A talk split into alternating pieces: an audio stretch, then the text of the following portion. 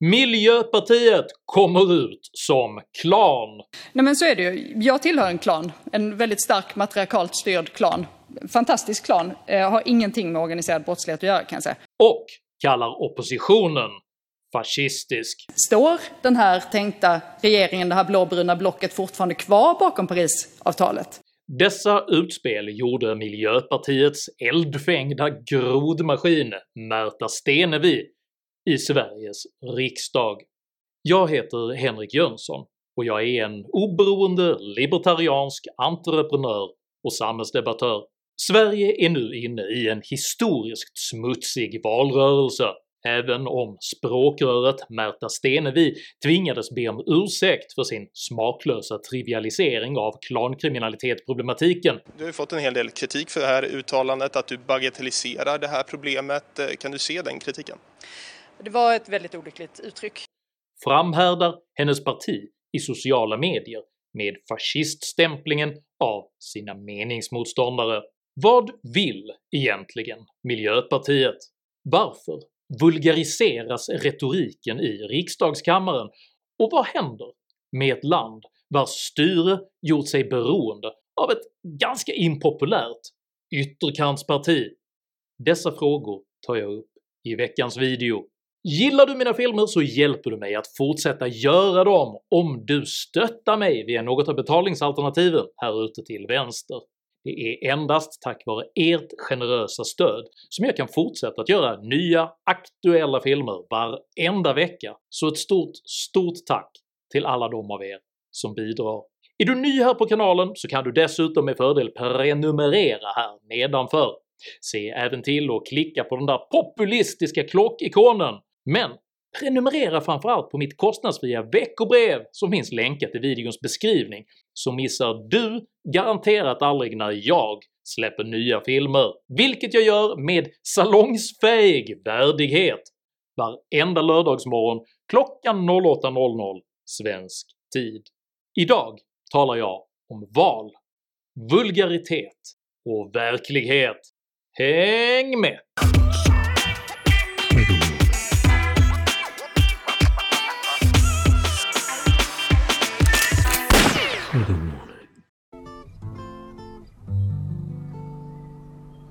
It's not easy being green. Det är inte lätt att vara grön, sjunger den melankoliske grodan Kermit i sången “Being Green” från 1970.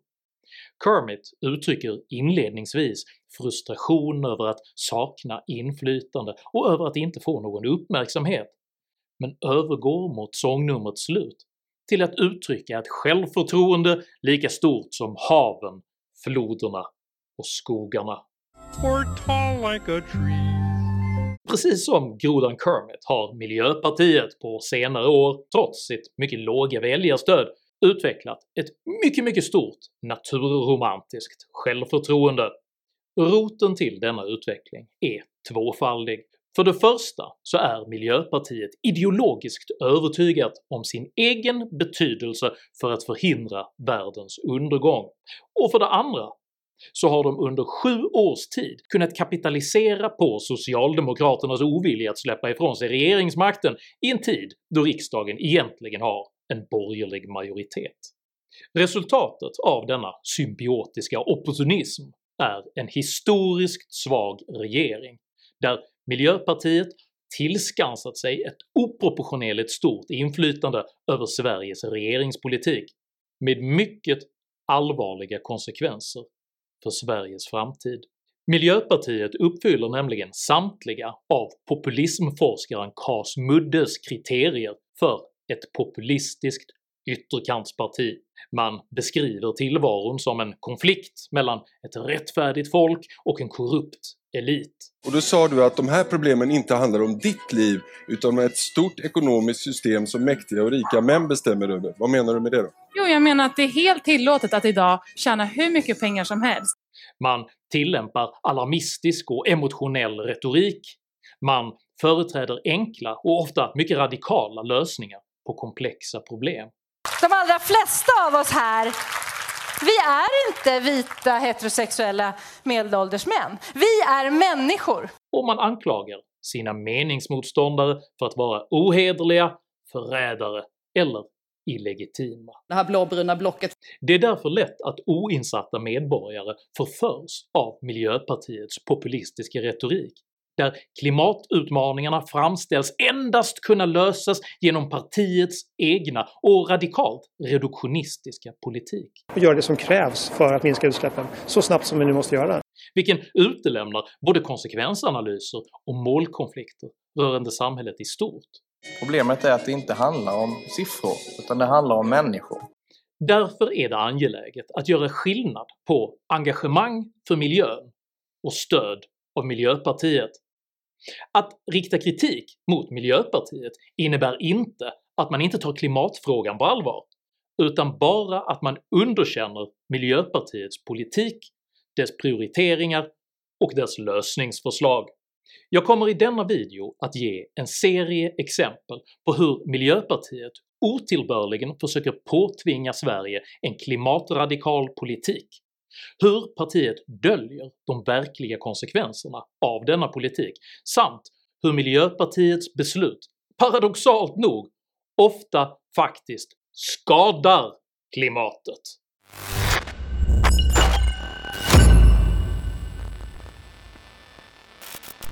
Under 2018 genomdrev dåvarande miljöminister Åsa Romson beslutet att utöka flera naturskyddsområden på Gotland, trots att cementtillverkaren Cementa redan året innan hade varnat för att detta skulle innebära att Sveriges cementproduktion försvåras avsevärt snedstreck riskerar att upphöra i närtid och på sikt. Trots att Cementa både hade ansökt om och erhållit nytt brytningstillstånd för Slitebrottet redan flera år tidigare ledde ett överklagande till att tillståndet, i linje med Romsons beslut, hastigt drogs in. Det är lätt att underskatta betydelsen av ett enskilt indraget tillstånd, men rent praktiskt innebär detta en akut infrastrukturkris för hela Sverige som nu riskerar att stå helt utan cement från den 1 november i år. Konsekvenserna av detta är oöverblickbara eftersom inga byggprojekt är möjliga utan cement, vilket i förlängningen även riskerar att lamslå både gruvnäring, industri och logistiknäringen där hundratusentals personer nu riskerar att sägas upp. Detta föranledde en krisutredning rörande allvarliga samhällskonsekvenser, vilken presenterades under en presskonferens med näringsminister Ibrahim Baylan och klimatminister Per Bolund den 10 augusti i år. Vårt arbete har ju handlat helt uteslutande om att eh, minska risken för allvarliga samhällskonsekvenser. Ett produktionsstopp vid Cementas kalkstensbrott i Slite den 31 oktober kan få betydande konsekvenser för flertalet branscher på kort sikt. Det innebär bland annat, troligtvis, omfattande byggstopp i anläggning och svårigheter för bostadsbyggande eller för den delen när det gäller energiomställningen där ju inte minst vindkraften, den kraftigt expanderande vindkraften också är beroende av tillgången på eh, kvalitativ cement. Det är ju en eh, extraordinär situation som vi har hamnat i. Situationen man hamnat i är dock helt självförvållad och har uteslutande orsakats av det miljöbeslut man själv tidigare fattat utan att lyssna på de varningar som branschen framförde redan 2017. Denna typ av varningsbudskap framfördes även av regeringens egen expertmyndighet SGU som tidigare i år konstaterade “Det som nu sker med svensk cementproduktion är ett exempel på hur man kan inducera kritikalitet för en råvara helt på egen hand. Vilket i princip är byråkratisvenska för att säga “regeringen har både laddat, osäkrat och avfyrat en revolver i sin egen fot”. Det är mycket talande att regeringen bad SGU att avvakta med att publicera denna rapport, något som ytterst lett till att näringsministern nu anmäls till konstitutionsutskottet för att ha mörkat obekväm information. Istället för att i god tid lyssna på experter och branschföreträdare tvingades således regeringen fatta ett akut krisbeslut för att tillfälligt skjuta problemen framför sig genom att ge Cementa ytterligare 8 månader att bryta kalk. Eh, det nuvarande tillståndet löper ut den 31 oktober och eh, det tillstånd som Cementa har det är eh, begränsat i dels tid Eh, och där är tidsgränsen som sagt 31 oktober. Men det är också begränsat i volym. Och inom ramarna för det tillstånd som Cementa redan har så finns det då kalk som fortfarande inte har hunnit brytas. Eh, enligt eh, Cementas egna uppgifter så finns det ungefär åtta månaders kalkbrytning kvar inom det tillstånd som Cementa redan för nuvarande har. Som ett eh, andra steg efter förordningsändringen så förbereder alltså regeringskansliet en tillfällig och en tidsbegränsad ändring i miljöbalken som ger regeringen möjlighet att besluta om fortsatt täkt och vattenverksamhet inom ramen för redan givet tillstånd. Detta nödtillstånd verkar nu inte heller vara lagligt enligt rådande EU-regelverk och enligt miljörättsprofessor Jan Darpö är det sannolikt att ärendet kommer att överklagas, vilket ogiltigförklarar förlängningstillståndet. I veckan avstyrkte även lagrådet regeringens förslag till undantagslag med motiveringen att dess hantering skadar tilltron till hela rättssystemet. Som konsekvens förbereder nu Cementa omfattande lastbilstransporter från ett angränsande kalkbrott för att frakta de 2,5 miljoner ton kalk Sverige behöver till Cementas fabrik i Slite. Detta kommer att leda till omfattande koldioxidutsläpp, betydande fördyringar och förseningar av samtliga svenska byggprojekt, från vindkraftverk till tågbanor. Cementkrisen är alltså den direkta konsekvensen av Miljöpartiets beslut vilket omöjliggör deras egen politik, urholkar svensk infrastruktur och skadar miljön. I veckan konstaterade Svenska Dagbladet att det svenska elpriset aldrig har varit så högt som nu. Elhandelsanalytikern Björn Björnsson på Gårdel förklarar situationen som en kombination av lågt vattenstånd och att det just nu blåser dåligt. De skenande energipriserna är ett konkret och direkt resultat av att Miljöpartiet avsiktligt har minskat andelen planerbar el i det svenska elsystemet genom att avveckla kärnkraften samtidigt som efterfrågan på energi ökar kraftigt. Precis som i frågan om cementkrisen skapas energikrisen medvetet av Miljöpartiet som senast i augusti vägrade fatta beslut om slutförvaring av förbrukat kärnbränsle under förhoppningen att detta skulle tvinga fram en för tidig nedläggning av Sveriges återstående reaktorer. Och precis som i frågan om cementkrisen så skjuter man nu bara problemen framför sig, för istället för att fatta ett långsiktigt slutförvaringsbeslut gav regeringen mellanlagringsenheten i Oskarshamn tillfälligt ansvar att ta emot mer förbrukat kärnbränsle. Lagret i Oskarshamn är inte lämpat för långtidsförvaring, och regeringens senkomna krisbeslut tog inte heller hänsyn till kommunens åsikter i frågan.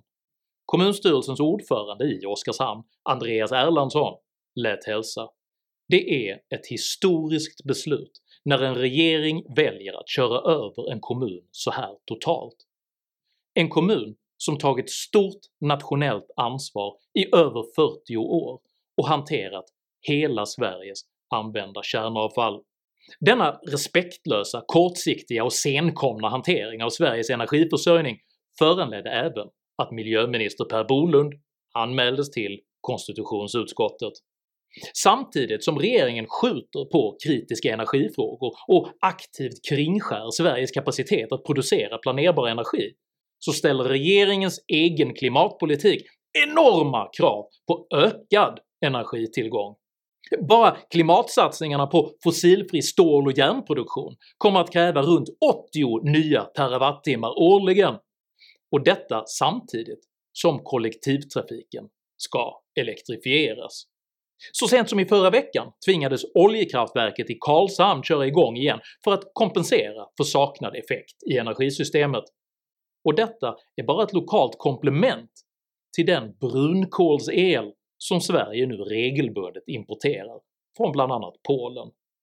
Energikrisen är alltså den direkta konsekvensen av Miljöpartiets beslut, vilka omöjliggör deras egen politik, urholkar svensk infrastruktur och skadar miljön.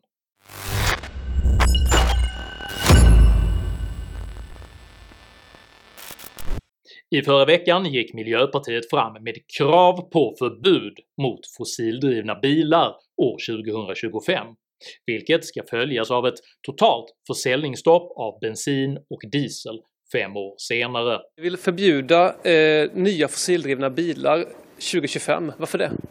Ja, men det är ju för att eh, vi nu vet att elbilarna finns, de fungerar. Samtidigt tvingas allt fler energibolag redan nu höja priset på el i paritet med att antalet eldrivna bilar ökar. Den totala elektrifiering av fordonsflottan som Miljöpartiet kräver är omöjlig att genomföra med rådande energisystem och laddinfrastruktur, och den underförstådda implikationen av Miljöpartiets krav är därför en utfasning av privatbilismen som företeelse.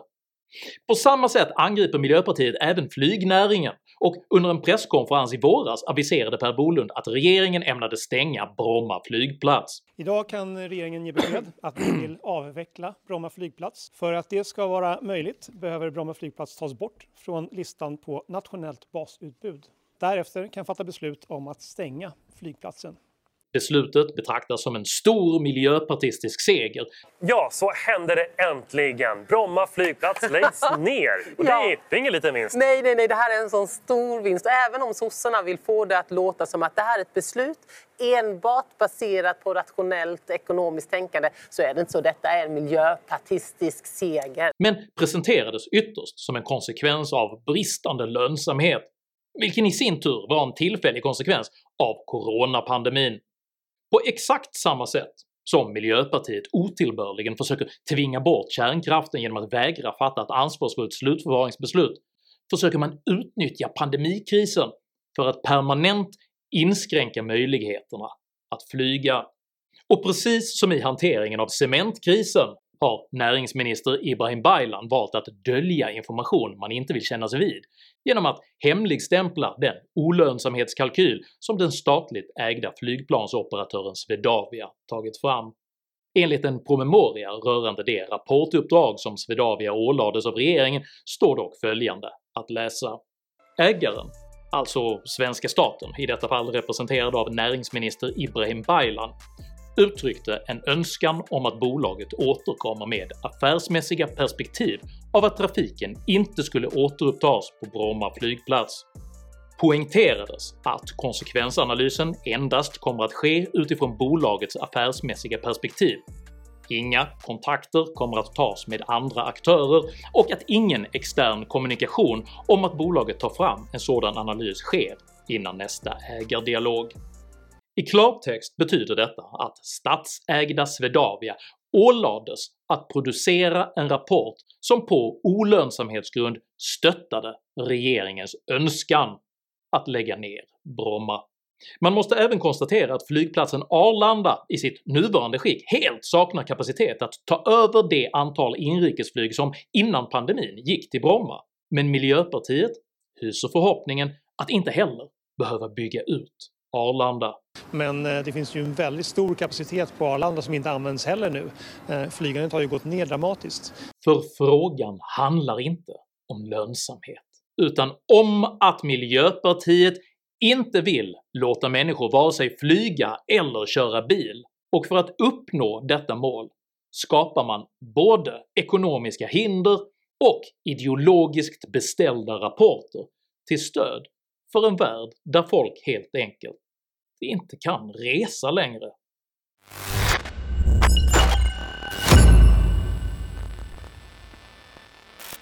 Miljöpartiet är nu fast beslutet att även undergräva den privata äganderätten och har som målsättning att ställa en halv miljon hektar mark under tvångsförvaltning av staten.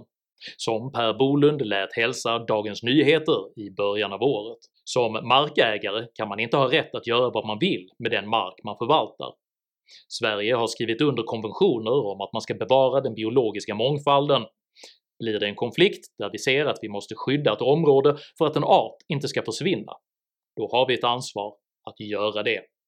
Skogsägare har under miljöpartiets regeringstid allt oftare angripits med fler och fler omregistreringar av så kallade nyckelbiotoper på privat mark, vilket över en natt gör skogen olönsam att bruka privat. Och miljöpartiets skogspolitiska program fastslår “Skyddet av skog ska i möjligaste mån planeras utifrån de ekologiska förhållandena, inte utifrån var staten sedan tidigare äger mark.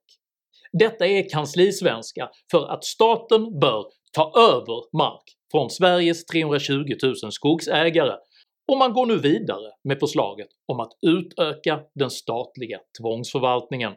Per Bolund påpekar att regeringen avsatt stora arealer mark för att skydda skog. Över tusen reservat har utvidgats eller nybildats. Och nu höjer man ambitionsnivån genom att helt sonika angripa den svenska äganderätten.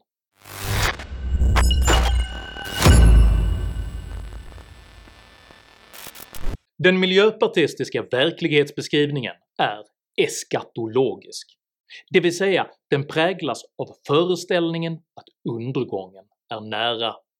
Denna hållning legitimerar radikala åtgärder där målet “att rädda världen” används för att helga nästan vilka medel som helst.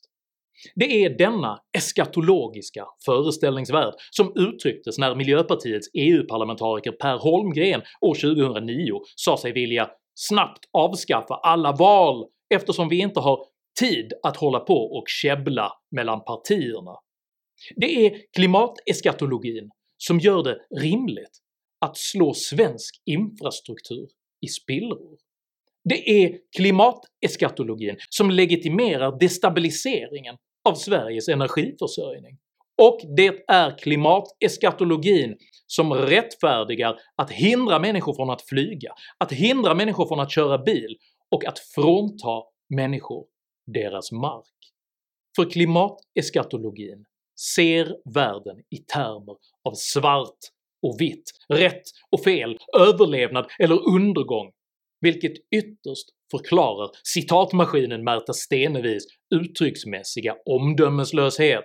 Att ska utlandsfödda kvinnor få makt, ja då kommer eh, vita eh, inrikesfödda kvinnor att också behöva flytta på sig. Nej men så är det ju. Jag tillhör en klan. Står den här tänkta regeringen, det här blåbruna blocket fortfarande kvar? Och ytterst ankommer det nu på väljarna att inse att de ständiga grodor som väller ur Stenevis mun inte är den eftertänksamme och lakoniske grodan Kermit, utan den halsstarrige och självdestruktive Gonzo.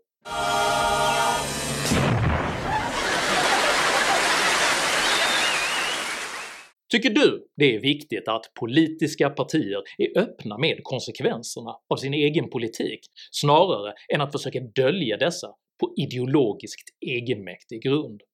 I så fall tycker jag att du ska dela den här videon med dina vänner, och varför inte passa på att prenumerera på min YouTube-kanal när du ändå är i farten? Har du egna erfarenheter av hur konsekvenserna av miljöpartiets politik på olika sätt döljs? Dela i så fall gärna med dig av dina erfarenheter i kommentarsfältet här nedanför, för jag samlar på denna typ av information och uppskattar därför all respektfull kommunikation. Tänk dock på att alltid vara artig. Jag tolererar inte aggression, personpåhopp eller rasism i mina idédrivna kommentarsfält. Tack för att du som kommenterar respekterar detta. Jag heter Henrik Jönsson och jag betraktar det klimatpopulistiska ytterkantspartiet Miljöpartiet som det enskilt största hotet mot Sveriges framtid just nu. Tack för mig och tack för att ni har lyssnat.